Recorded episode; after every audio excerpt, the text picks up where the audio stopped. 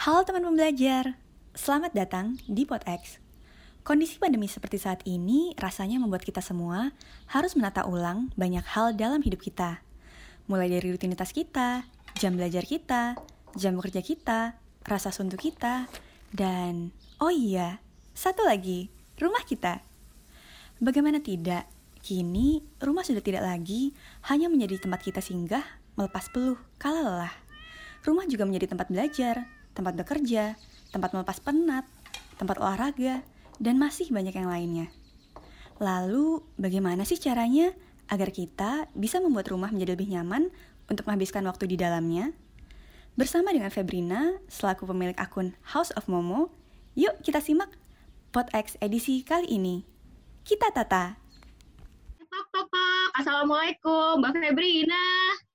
Halo semuanya. Halo. Mbak Febri, gimana pagi ini? Ya. Udah sarapan belum? Udah, alhamdulillah udah sarapan tadi, udah minum jus juga. Semuanya udah pada sarapan belum? tadi aku udah sempet lihat kan, ada yang udah ngopi juga. Aku jadi pengen nih kopi. Oke. Sekarang kita sudah di rumahnya Mbak Febri. Oke, Mbak Febri kita izin masuk boleh ya?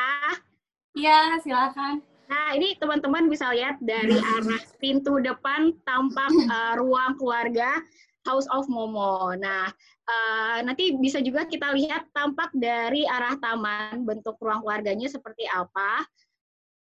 Itu ini teman-teman bisa ngerasain vibe vibe rumahnya itu dari awal kita masuk aja tuh udah udah enak banget, udah nyaman banget dan furniturnya itu Amin. kayak rumah luar negeri gitu. Awas, aduh, amin. Iya, Makasih. Beneran. itu bawaannya kayak pas ngeliat itu rasa rasa ingin menetap gitu mbak. Oh ya Oh, ya. Maaf mbak Feby, saya bawa CRT ini mau berkunjung nggak apa-apa ya? Nggak apa-apa, nggak apa-apa, silakan.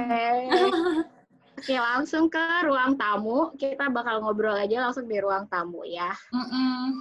Nah, ini ya, kita ngobrol di sini dulu. Mbak Feby, boleh nggak diceritain dulu eh, awal mula rumah ini dibangun? Gimana sih sejarahnya? Luas tanahnya berapa? Luas bangunannya berapa? Proses-prosesnya gimana? Boleh nggak diceritain?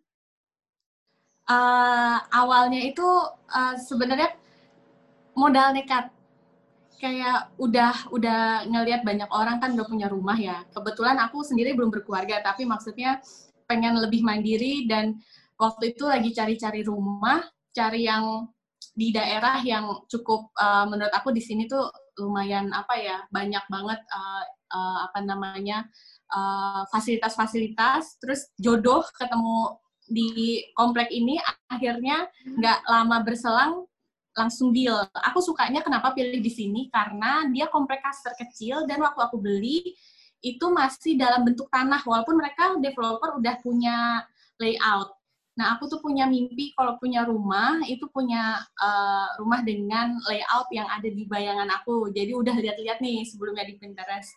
Jadi wah cocok nih dengan lahan kosong pas aku nego-nego dengan developer eh, apa namanya eh, ternyata bisa nih mereka bangun rumah sesuai dengan layout yang aku punya. Karena aku berpikirnya adalah aduh eh, bangun rumah aja udah sulit ya. Apalagi kalau misalnya eh, beli rum- eh, lebih sul apa namanya akan lebih sulit. Aku bayanginnya kalau beli rumah jadi dan renovasi setelahnya. Karena aku pengen dapur di outdoor pengen uh, apa namanya ada akses ke taman dari ruang keluarga. Itu hal-hal yang aku udah pikirin di depan sebelum bangun rumah gitu ya udah jodoh-jodohan aja sih dan dan alhamdulillah dapet di sini gitu.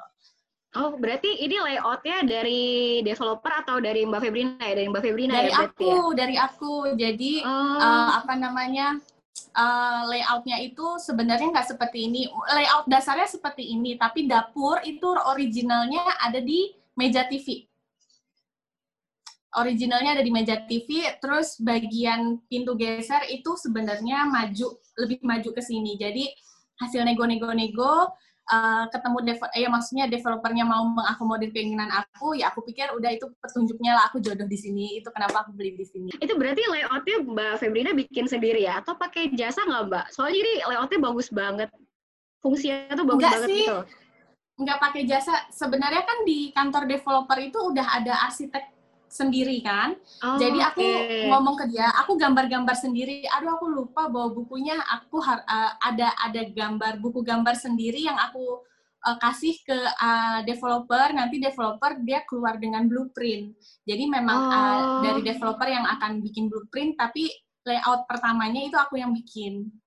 Oh, oke. Berarti dari awal Mbak Febrina udah nyari ya, pengen rumahnya itu yang seperti apa gitu. Nah, mungkin Ya, di sini ya. ada teman-teman yang belum punya rumah atau baru kepengen punya rumah gitu ya Mbak ya, mau bangun rumah. Nah, eh, kira-kira itu dari awal stepnya tuh apa aja sih Mbak? Eh, dan nyari-nyari inspirasinya itu di mana bisa nemu yang benar-benar bagus banget kayak gini gitu. Sebenarnya aku waktu awal mau bangun rumah, aku nggak kepikiran akan konsepnya bakal seperti apa. Jadi uh, ada ada tiga poin yang aku pengen aku bayangkan gitu ya. Yang pertama adalah yang tadi dapur outdoor. Yang kedua ada akses ke taman dari pintu keluar eh, dari ruang keluarga. Jadi ada bukaan besar. Yang ketiga kamar mandi di dalam ruang utama. Udah tiga itu aja. Jadi aku lihat Hmm. banyak terinspirasi dari Pinterest Mbak. Oh, iya iya iya benar. aku nggak punya background desain juga aku nggak punya background arsitek juga. Jadi aku Oke. uh, lihat-lihat di Pinterest tiga itu dulu. Aku nggak nggak ambisius. Aku saranin kalau bagi teman-teman yang mau punya rumah nggak usah pikirin dulu nanti tema rumahnya mau seperti ini atau itu enggak. Layout dasarnya dulu aja yang dipikirin pada saat bangun rumah karena itu yang paling utama kan. Konsep-konsep uh, konsep layout gitu. Nah, ya ya baru setelah itu berjalan waktu ya mulailah di nanti aku ceritain kenapa aku milih dekorasi seperti ini awalnya bagaimana. Oh iya, iya Mbak. Ini kalau aku lihat kan kayaknya putih, terus banyak kayu gitu. Ini nih nama temanya apa? Dekorasi seperti ini dan eh, kenapa Mbak Feby milihnya yang kayak gini? Kita lihat dari awal aja kan masuk langsung wah ini kayak bener-bener homey banget gitu, nyaman gitu lihat ya. Uh, aku memang mungkin suka sama yang konsep natural.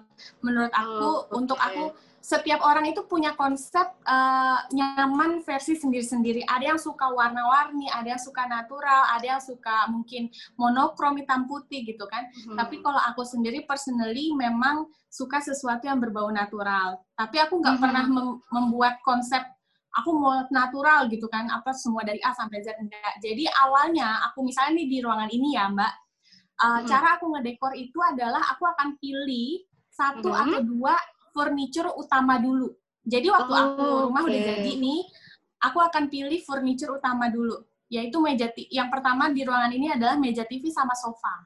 Nanti setelah kita uh, nikmatin, misalnya ini masih kosong nih, aku masih nikmatin awal-awal tuh nikmatin, aku akan nambah, oh ini kayaknya cocok nih sama meja coffee table yang seperti ini, terus tambah. Cocok nih sama karpet seperti ini, besokannya tambah. Kayaknya kalau Oke. nambah kaca di sini, kayak gitu. Jadi satu persatu ketika na- nanti itu jadi satu kesatuan, itu sebaik semacam membangun karakter kita, rumahnya itu seperti karakter kita gitu. Hmm, oke.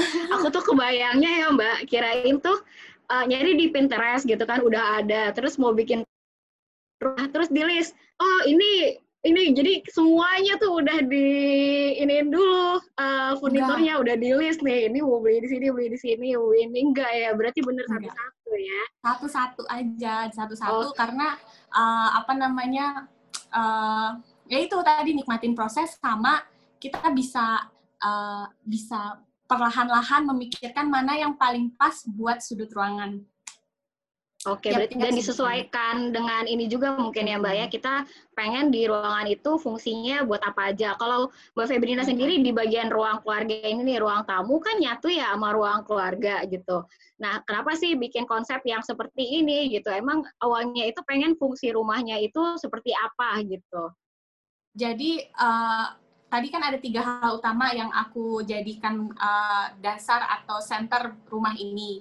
Nah, ruang tamu itu sekunder dari sekunder dari uh, rencana di rumah buat aku karena Hmm. sekarang tuh aku banyak lihat rumah-rumah modern itu udah nggak pakai ruang tamu karena uh, rumah sekarang nggak terlalu luas ya banyak rumah-rumah yang minimalis yang dan aku rumahnya termasuk yang nggak terlalu luas 72 meter persegi. Kalau aku pakai ruang tamu dengan proper ada sofa ada meja yang gede gitu menurut aku itu nggak possible dan akan membuat ruangan makin sempit. Jadi aku bikin uh, konsep menerima tamu saja bukan ruang tamu tapi menerima tamu sambil duduk-duduk santai. Oh.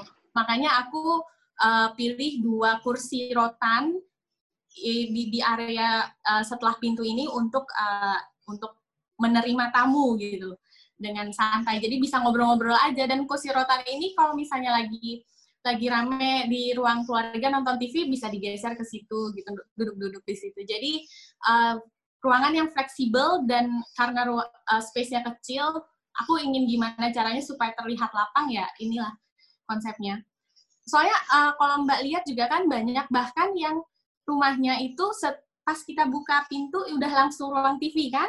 Maksudnya iya, memang banyak, udah banyak. udah udah ke sana sekarang arahnya. Dulu kan uh, kalau rumah-rumah zaman dulu ada ruang khusus yeah. tamu ruang keluarga. Yeah. kalau sekarang tuh arahnya udah mulai ke situ. Jadi yeah, bener, aku ini uh, bikinnya konsep seperti itu sih open space namanya. Jadi waktu udah buka pintu nggak ada tuh pemisahan ruang tamu atau ruang keluarga. Itu udah jadi satu main room aja uh, hmm. apa namanya living living room aja gitu. Sip. Oke, mantap. Jadi teman-teman nanti mungkin yang uh, rasanya pengen punya ruangan luas tapi uh, terbatas di luas tanahnya yang kecil itu bisa pakai open open apa konsep open space ini ya Mbak ya. Open space. Kita langsung bacain pertanyaan dari teman-teman kan ini udah banyak banget Mbak untuk ini. Ini ada dari Mbak Syafa Putri uh, bertanya untuk pemilihan bahan-bahan interior seperti bahan untuk lantai pilih sendiri juga ya Mbak. Lantai kayunya dari bahan apa ya Mbak? Pilih sendiri. Jadi semuanya yang tadi aku sampaikan pilihnya satu persatu kan Mbak.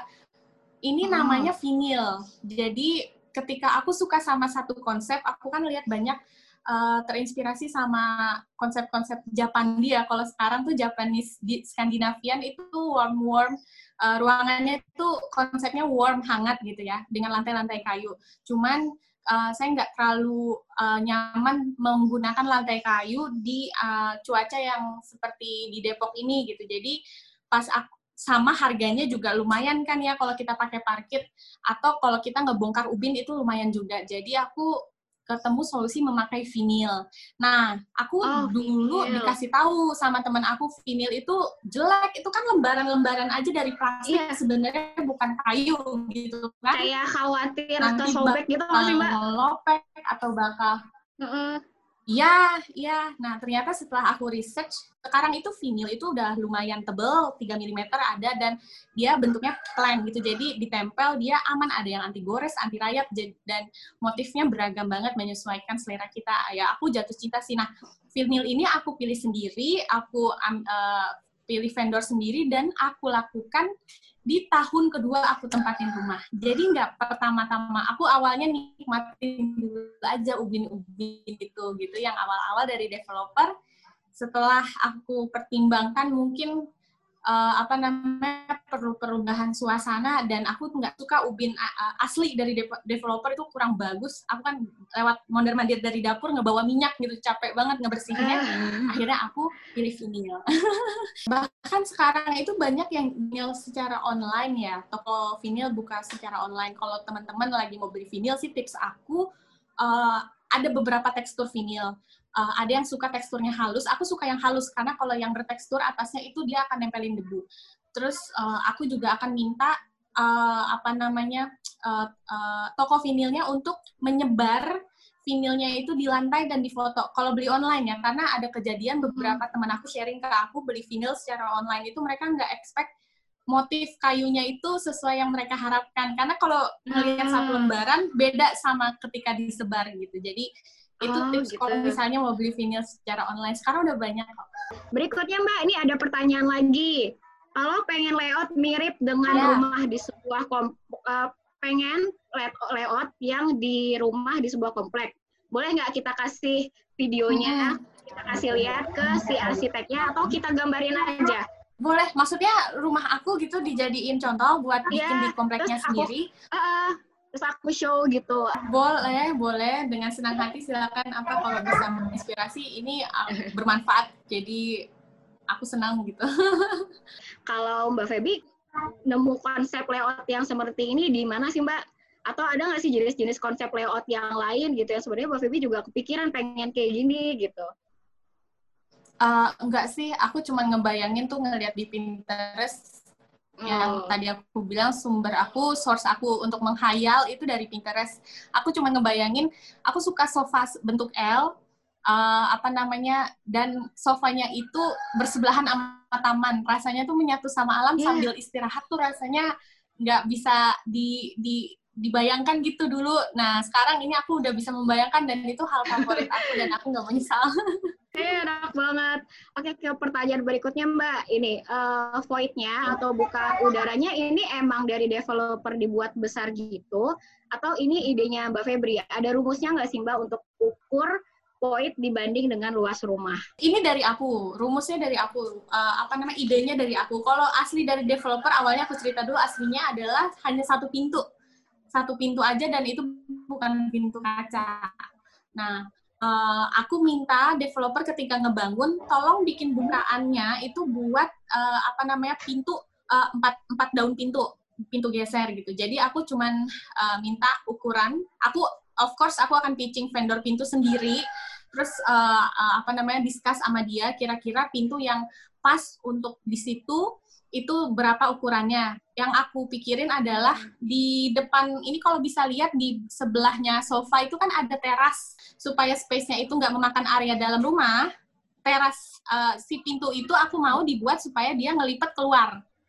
Nah, aku patokannya hmm. satu daun pintu itu uh, satu daun pintu selebar si ubin yang di teras itu aja sih sebenarnya. Jadi aku cuma mikirnya dia dibuka keluar supaya nggak ngambil space di dalam rumah dan uh, lebar satu daun pintunya itu se selebar selebar uh, uh, apa namanya ubin ubin yang di teras which is 60 kali 60 meter eh 60 kali 60 cm. Nah, aku konsult sama vendor pintu ya dibuatlah empat daun pintu, satu daun pintunya lebar 60 cm uh, nanti setelah dia dapat aku dapat hitungannya kira-kira butuh bukaan berapa aku kasih ke developer aku minta supaya dinding ini jangan ditutup minta aku uh, aku minta dibuka gitu. Oke ini ada pertanyaan lagi mbak iya. dan ini juga sebenarnya aku pengen tanyain. Kalau dilihat ini kan karpetnya bagus banget. Karpetnya ini beli di mana ya mbak biasanya? Dan uh, perawatannya gimana? Karena di rumahku juga punya kucing kan mbak di sini ada momo, sekarang ada gigi juga. Jadi biasanya kalau kucing itu bulu-bulunya kan kadang rontok gitu.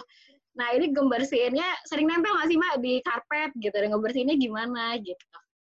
Sering, sering nempel. Ya memang sebenarnya plus minus ya. Uh, uh, ketika kita mau merawat kucing, kita harus menerima konsekuensinya. Nah kucing itu uh, bulunya memang udah pasti rontok mbak karena nggak mungkin nggak. Nah aku ya kebetulan Momo itu bulunya pendek jadi ya lumayan nggak kelihatan sebenarnya ya. Tipsnya cuma secara reguler aja dibersihin gitu. Belinya aku ada online, ada di toko karpet deket rumah. Karpet itu sebenarnya aku oh, aku mau kasih kenapa aku kasih karpet di dua area itu ya. Penyekat tangan yang paling minimalis itu adalah karpet. Aku baca hmm. juga itu. Jadi uh, untuk open space untuk menandakan antara ruang untuk membedakan ruang ah. satu dengan ruang yang lainnya itu yang paling mudah itu dengan menggunakan karpet itu kenapa alasan di oh, House of iya. Momo aku penggemar karpet gitu jadi aku suka memetakan ruangan berdasarkan itu eh, memakai karpet Oke, okay. tadi kalau luas uh, ruang penerima tamu sama luas dari pintu depan sampai ke pintu lipat ini berapa ya Mbak ya? Uh, panjangnya itu 5,7 meter. Nggak, nggak panjang kan sebenarnya, cuman ah. pintu depan ke pintu lipat. Ya, aku nggak terlalu banyak ngambil furniture juga dan apa namanya open space itu ngebantu banget untuk membuat terlihat luas.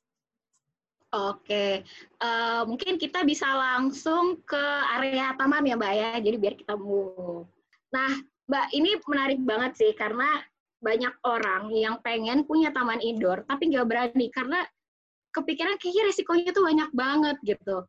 Nah, ini uh, apa sih Mbak resiko-resikonya kalau kita bikin taman indoor kayak gini? Resikonya ada, ya ada banyak sih. Kalau negatifnya itu resikonya ada binatang. Kalau yang takut binatang itu semut itu emang jadi teman sehari-hari semut hitam tuh.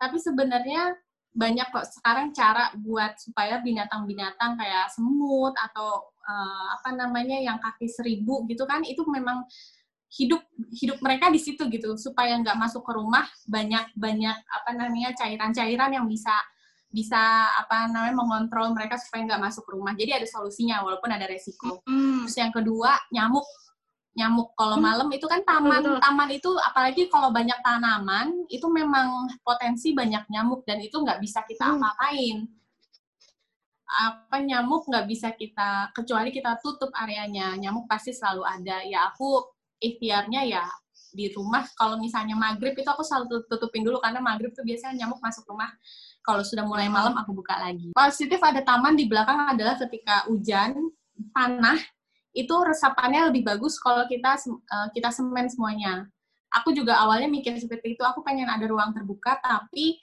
uh, gimana caranya kalau ada hujan air menggenang itu cepat teresap ke tanah. Jadi aku prefer ada taman hijau-hijau gitu kan. Nah yang kedua adalah uh, itu positifnya. Berarti ini uh, taman indoornya nggak pakai atap ya mbak ya? Atau ada atap atap transparan gitu? Plong ke atas. Oh plong ke atas. Jadi kalau hujan itu bakal jatuh ya jatuh sih kalau hujan kalau jatuh ke bawah ya bakal masuk jatuh. ke taman indoornya. Iya, tadi kayaknya ada yang nanya deh kalau tadi ya. ada yang nanya kalau ya, apa uh, hujan tampias ya, apa enggak kan? bener. Iya tampias nggak mbak ke rumah apa ke dapur gitu? Ke dapur enggak. Nanti kan kita akan lihat bahwa dapur itu ada bukaan kan, bukaan yang hmm. pintu geser. Nah untuk area antara pintu geser eh, antara pintu dapur sama si pintu lipat ini itu ada kray, kray kayu. Jadi uh, kalau hujan dia dia dia membantu supaya air hujannya itu nggak nyiprat ke akses. Aku bilangnya ini akses, akses ke dapur karena beneran cuma teras aja gitu kan. Kita kalau keluar dari pintu lipat itu ada teras baru dapur. Nah, teras antara dapur dan pintu lipat itu aku bilang namanya akses dan dibantu mm -hmm. sama kray kayu supaya nggak nyiprat. Jadi kalau oh, hujan kita masih bisa ke dapur tanpa kena-kena air hujan. Tapi pintu lipat pasti kita tutup kalau hujan supaya nggak uh, apa namanya tampias sih sebenarnya nggak tampias yang parah banget. Cuman ada biasa kan kalau hujan nyiprat-nyiprat kecil gitu ya, ada angin juga soalnya kalau masuk. Aku untuk menghindari itu kena sofa aku tutup. Tapi sebenarnya kalau bisa dilihat aku ada extension kanopi. Nah, itu juga itu juga membantu supaya nggak tampias. Kalau ukuran taman indoornya ini sendiri berapa ya Mbak ya? 3 kali 2,7 sekitar segitu. Oh, kalau sama ini tempat yang buat duduk-duduk ini, Mbak? Sekitar uh, 3, itu kan cuma 60 cm, eh 70 cm oh, lebarnya itu. Ya, uh, uh, uh. Duduk. Berarti tiga kali tigaan lah ya, atau tiga kali empat gitu lah ya, Mbak ya? Tiga kali tigaan, roughly, iya. Uh, uh, oh, terus ini, Mbak, kan ini dindingnya putih ya. Biasanya kalau kena hujan itu kan bisa aja kena cipratan tanah yang kena hujan itu ke dinding atau kadang bisa bikin lumut juga gitu. Ini apa? Dindingnya dibersihin terus setiap habis hujan atau gimana Mbak cara ngerawatnya gitu? Uh, sebenarnya kalau kita punya taman yang tanah itu udah pasti kalau hujan dindingnya pasti akan kotor dulu. Jadi alternatifnya adalah pasang uh, apa namanya penutup tanahnya itu bisa pasang rumput atau pasang bebatuan supaya ketika hujan dia nggak naik tanahnya. Aku kebetulan kan pasang rumput jadi uh, ya alhamdulillah kalau ada hujan gitu tanah merahnya itu nggak ke dinding. Kalau si ini sendiri mbak si kursi dan si mejanya ini kalau hujan kan kadang ini dari kayu kan ya mbak ya?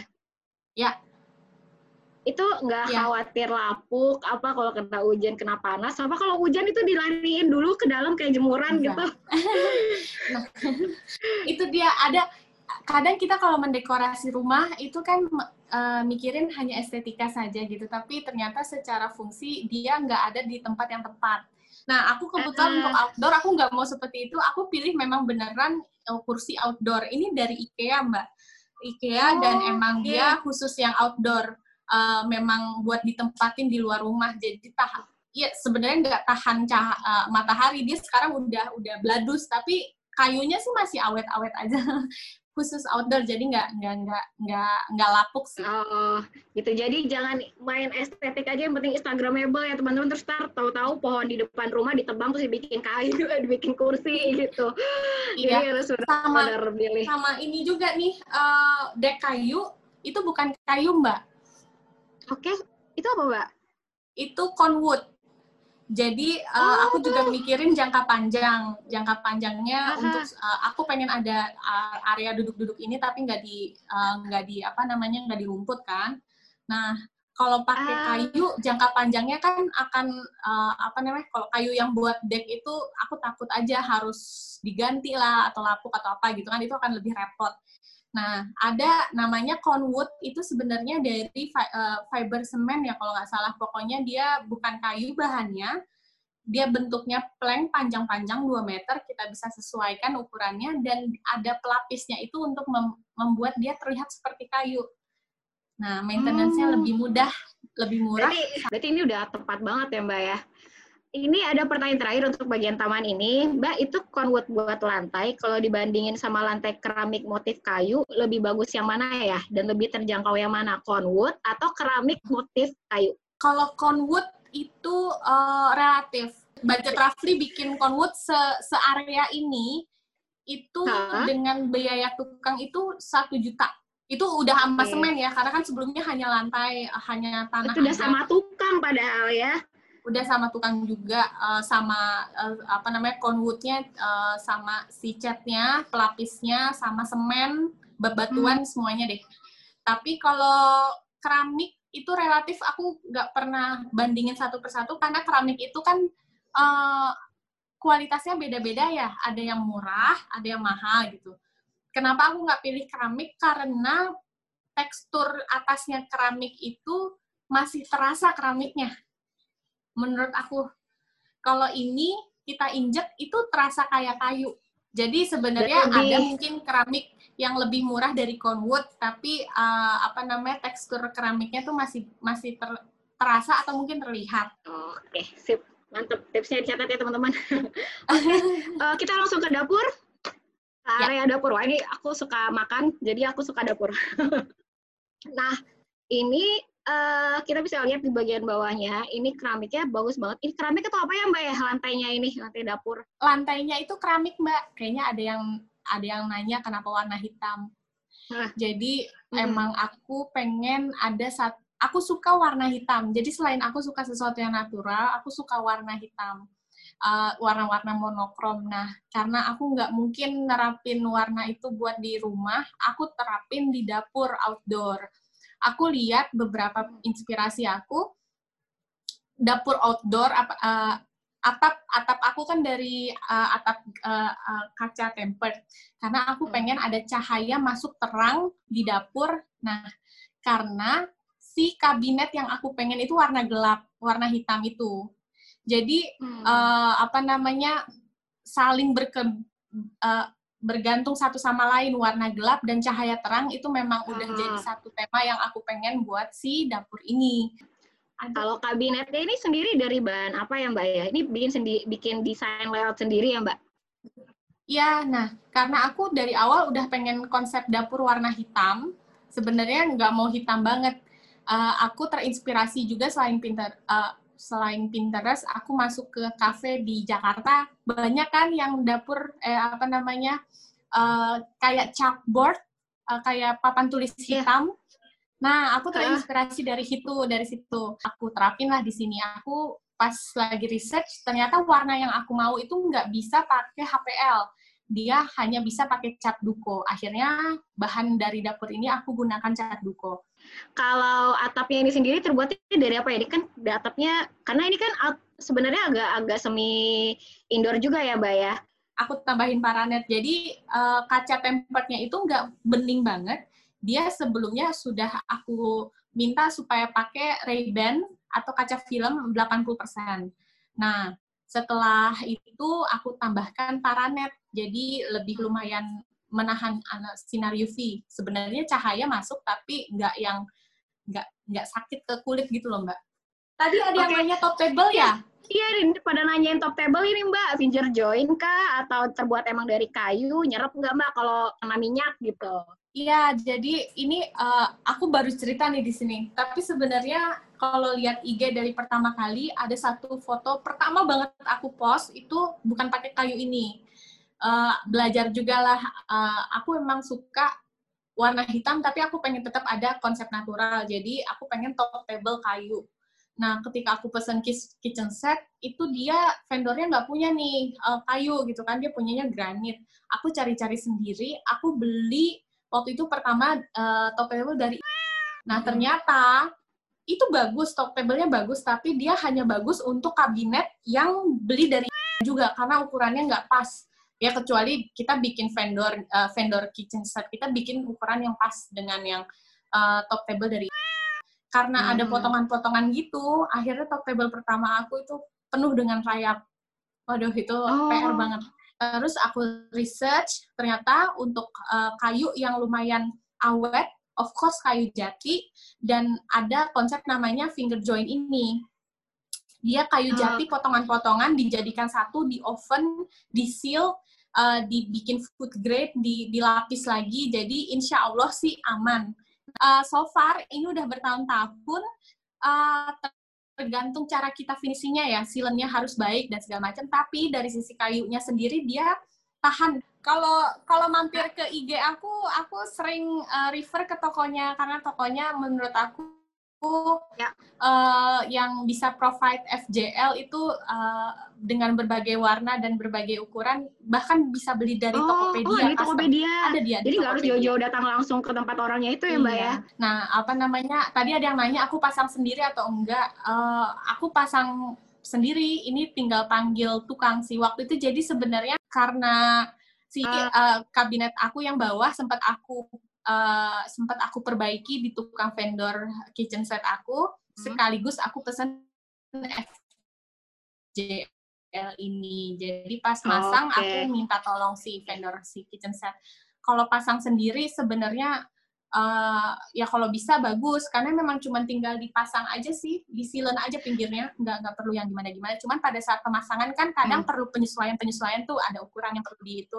Aku okay. itu kan teman-teman tapi kalau misalnya mau ada lihat barang-barang yang bagus, mau tanya ini belinya di mana, sebenarnya di IG House of Momo udah ada yang Mbak ya. Di jawab-jawabin itu di komentar, yang nanya juga banyak. Beli di mana bisa cek di IG-nya House of Momo. Di highlight-nya juga ada ya Mbak ya, itu barang-barang House of Momo itu uh, belinya di mana aja, itu semuanya ada di sana. Jadi teman-teman bisa langsung cek di IG-nya House of Momo. Mungkin yang belum follow juga bisa langsung follow. Oke, kita mungkin uh, udah selesai aja di dapur, karena ternyata waktu itu udah tinggal sedikit lagi, kita belum ke atas. kita mau naik ke atas. Nah ini di lorong lantai satu mau ke lantai dua ya Mbak ya. Nah kita lihat ini sebenarnya lemari apa? Ya ini aku sebenarnya kaget juga kalau ternyata ini tuh sebenarnya adalah rak sepatu ya. Rak sepatu aja estetik banget guys. Kita kan biasanya beli rak sepatu di pasar yang dari plastik gitu ya. Ini ternyata bagus banget gitu. Yang di sebelahnya ini uh, ada tempatnya ini ya perkakasnya Momo ya Mbak ya. Nah, uh, mungkin boleh diceritain kenapa uh, Momo itu perkakasnya diletakin di sini gitu Mbak. Dan kenapa Momo ini dikandangin nggak ya Mbak? Atau dibiarin aja gitu? Momo itu nggak pernah dikandangin, dia dibebasin. Dan ini adalah salah satu sudutnya dia. Aku taruh sudutnya Momo deket kamar mandi supaya nggak terlalu ke mana-mana baunya gitu kan. Terus untuk si rak, uh, ini apa namanya termasuk salah satu furniture yang aku beli di awal aku tipikal orang yang tumbuh di rumah yang banyak barang. Jadi aku kalau punya barang dan punya rumah, aku kepikiran aku mau rumah yang kosong. Tapi kan nggak mungkin rumah kosong ya, kebutuhan kita banyak, sepatu, ada apa itu kan pasti uh, apa namanya perlu space. Nah, aku banyak bikin storage yang kayak tadi di dapur, gimana caranya supaya storage itu cukup buat masuk-masukin alat dapur. Nah, sepatu aku nggak kepikiran sepatu uh, apa namanya ditaruh di luar atau apa itu karena pasti sempit karena luar aku da, uh, apa bagian garasi aku nggak muat. Nah, kalau ditaruh di dalam ruangan kan cuman kayak tadi ya open space kelihatan gitu. Kalau ditambah rak sepatu gitu, waduh kelihatan jomplang gitu nggak nggak nggak bagus. Nah aku pikirin gimana caranya supaya bikin rak sepatu sekaligus ada ada foyernya gitu mbak. Apa? Uh, apa sih? Uh, credenza table jadi bisa kita Oh. hias-hias juga atasnya. Jadi aku termasuk penggemar custom furniture, Mbak. Banyak sekali sih sebenarnya ya local-local uh, local-local workshop gitu yang bisa bikin furniture itu bagus-bagus loh. Jadi ya aku selalu bikin di situ. Meja TV juga bikin di situ. Ini info tokonya ada di IG kan ya Mbak ya? Ada. Nama tokonya. Nah itu udah ada nama toko di sana dan ada IG-nya juga ya Mbak tokonya. Ada.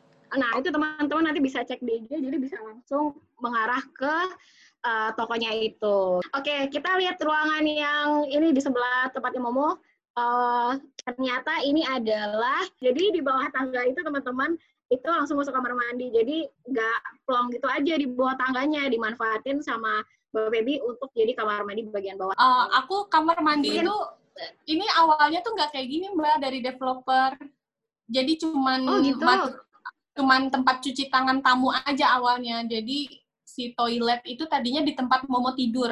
Oh, Nah, ternyata oke, pas oke. aku di tengah-tengah lagi dibangun nih, pas aku dateng lagi in, uh, cek cek lokasi, loh area yang di bawah tangganya nih, kenapa bisa orang berdiri tinggi banget gitu kan sayang ya nggak diapa-apain. Akhirnya aku minta supaya toilet dipindahin ke situ aja. Nah, Oh, jadilah seperti ini aku bisa nambahin shower. Awalnya nggak ada shower Nice. kalau dari developer. Kalau dinding ini tadinya tuh cuman setengah. Aku aku Hmm. biasa tuh ngasih ngasih tips ke orang kalau di bawah tangga itu kalau bisa dindingnya itu eh, pakai keramiknya eh nyampe ke atas. Karena Hmm. kalau enggak dia lembab dan buat catnya itu ngelupas. Nah, Oh, alhamdulillah oke. ternyata efek sampingnya kenapa aku pakai keramik sampai ke atas, walaupun Hmm. kamar mandi ini nggak ada exhaust, itu kamar mandinya jadi dingin. Oke. Good Kita side-nya dia jadi tambah Ah. dingin. Naik, naik, kita naik yuk. Kita harus naik. Karena aku pengen lihat balkon sebenarnya. Boleh diceritain nggak Mbak di lantai dua itu ada apa aja? Ah, ada gudang, dua kamar, sama kamar mandi dalam satu. Nah, ah, apa namanya?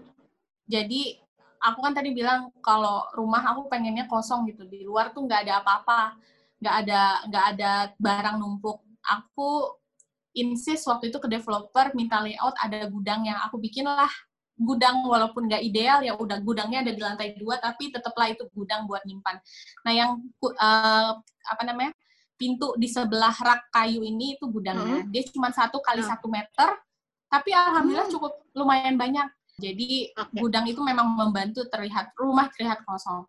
Kalau yang kamar kedua dia eh, nggak ada banyak perubahan sih mbak. Itu eh, kamar adik saya. Jadi eh, untuk mensiasati space aku pakai kasur yang two in one. Jadi kalau ada tamu bisa ikut masuk di situ. Oh, oke. Nah, yang yang pojokan kayu ini itu aku Hah? bilangnya laundry area. Jadi kalau dilihat kan uh, House of Momo itu nggak ada service room. Aha, iya.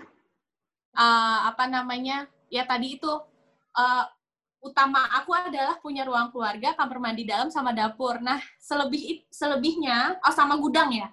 Selebihnya itu aku nggak terlalu mikirin. Jadi laundry room nggak ada yang spesifik ada di mana. Si kamar apa namanya? uh, mesin cuci aku taruh di dapur. Terus ini buat uh, baju kotor, baju bersih, buat nyetrika. Oh. Aku bikin sudut di sini. Kebetulan ada sudut yang nggak kepake. Nah ini aku custom juga nih di tempat di tempat yang tadi. Berarti semuanya tadi ada di situ ya teman-teman bisa dicek. Jadi langsung borong aja ntar. Oke, kita langsung masuk ke ruangan kamar utama. Uh, ukuran kamarnya tuh sekitar 4 kali 4 Jadi ada dua pintu kan di gambar ini. Pintu yang di kanan itu kamar mandi dalam, ukurannya 2 kali 2 Nah, Hmm. uh, tadi ada pertanyaan lemari ada di mana? Dia ada di sebelah kanan. Dia menyerupai dinding lemarinya. Jadi uh, apa dinding uh, lema, aku lemari uh, lemari kamarnya itu full sampai atas, sampai langit-langit. Yang bagian atasnya aku fungsikan juga sebagai gudang gudang bersih untuk naro-naro kayak bed cover, eh, bantal-bantal yang nggak kepake. Jadi tetap tersembunyi. Oh, gitu. next. Dan aku eh, aku pengen kamarnya itu konsepnya bersih aja gitu, polos. Jadi aku pilih lemari warna putih. yang nggak ada gagangnya bahkan. Jadi menyerupai ah. dinding sebenarnya. Oke, okay. next mungkin bisa dilihat tadi ada kamar mandi ya Mbak di sini ya. Kita ya. lihat ke kamar mandi bagian atasnya. Oke, okay. wah ini ini kamar mandinya beda ya sama bawah. Ini uh, dindingnya kayak dari semen gitu Mbak. Ini yang dari semen atau keramik sih Mbak? Ini keramik. Oh, keramik. Heksagonal keramik. Heksagonal. Oh, gitu memang pengen nuansa. Nah, aku nuansa hitam itu aku terapin di dapur sama di kamar mandi sini. Aku seneng aja yang maskulin-maskulin gitu, nggak tahu kenapa. Tapi tetap walaupun ada nuansa dingin, aku tetap kasih sentuhan kayu supaya tetap balance uh, ada uh. naturalnya, hangatnya juga. Ini langsung ke balkon ya Mbak? Ini apa? Balkon. Si toilet klosetnya. Wah ini berarti kalau lagi di kloset lama gitu nggak sebel ya karena bisa ngeliat keluar gitu. kalau malam harus ditutup, kalau siang nggak kelihatan. Oh gitu. Jadi kayak bisa jadi konsep dapur outdoor itu juga yang aku pengen sih. Oh gitu. Nice. Oke, kita mungkin bisa lihat langsung ke balkon karena itu udah kelihatan balkon dan aku senang banget lihat balkon ini. Di uh, dari kamar utama tadi ya Mbak ya dan juga ini banyak ya. tanaman. Nah, kita uh, ngomongin tanaman ini, Mbak. Tadi kan di dalam rumah juga banyak indoor plant gitu, Mbak. Mm -hmm. Itu gimana sih caranya Mbak Feby milih-milih indoor plant itu atau uh, apakah perawatannya disiram terus di situ atau dipindahin dulu keluar terus dimasukin ke dalam? Boleh diceritain nggak Mbak soal indoor plant ini? Uh, jadi uh, uh, balkon ini semacam gudangnya tanaman. Dia akan aku siram, aku sehatkan di sini. Nanti kalau dia uh. lagi subur, aku akan masukin dia ke dalam karena sebenarnya dia bisa tahan tanpa air itu ya tergantung jenis tanamannya juga. Untuk yang di tangga itu bisa dua minggu tanpa air. Nah ini uh, apa namanya setelah dua minggu aku keluarin lagi, aku siram karena kan mereka nggak kena matahari langsung. Uh, philodendron itu tipikal yang buat aku di rumah ini paling um, uh, paling tahan uh, indoor buat uh, tanpa matahari ya. Dia subur banget. Di sini kan nggak ada matahari tapi dia subur banget.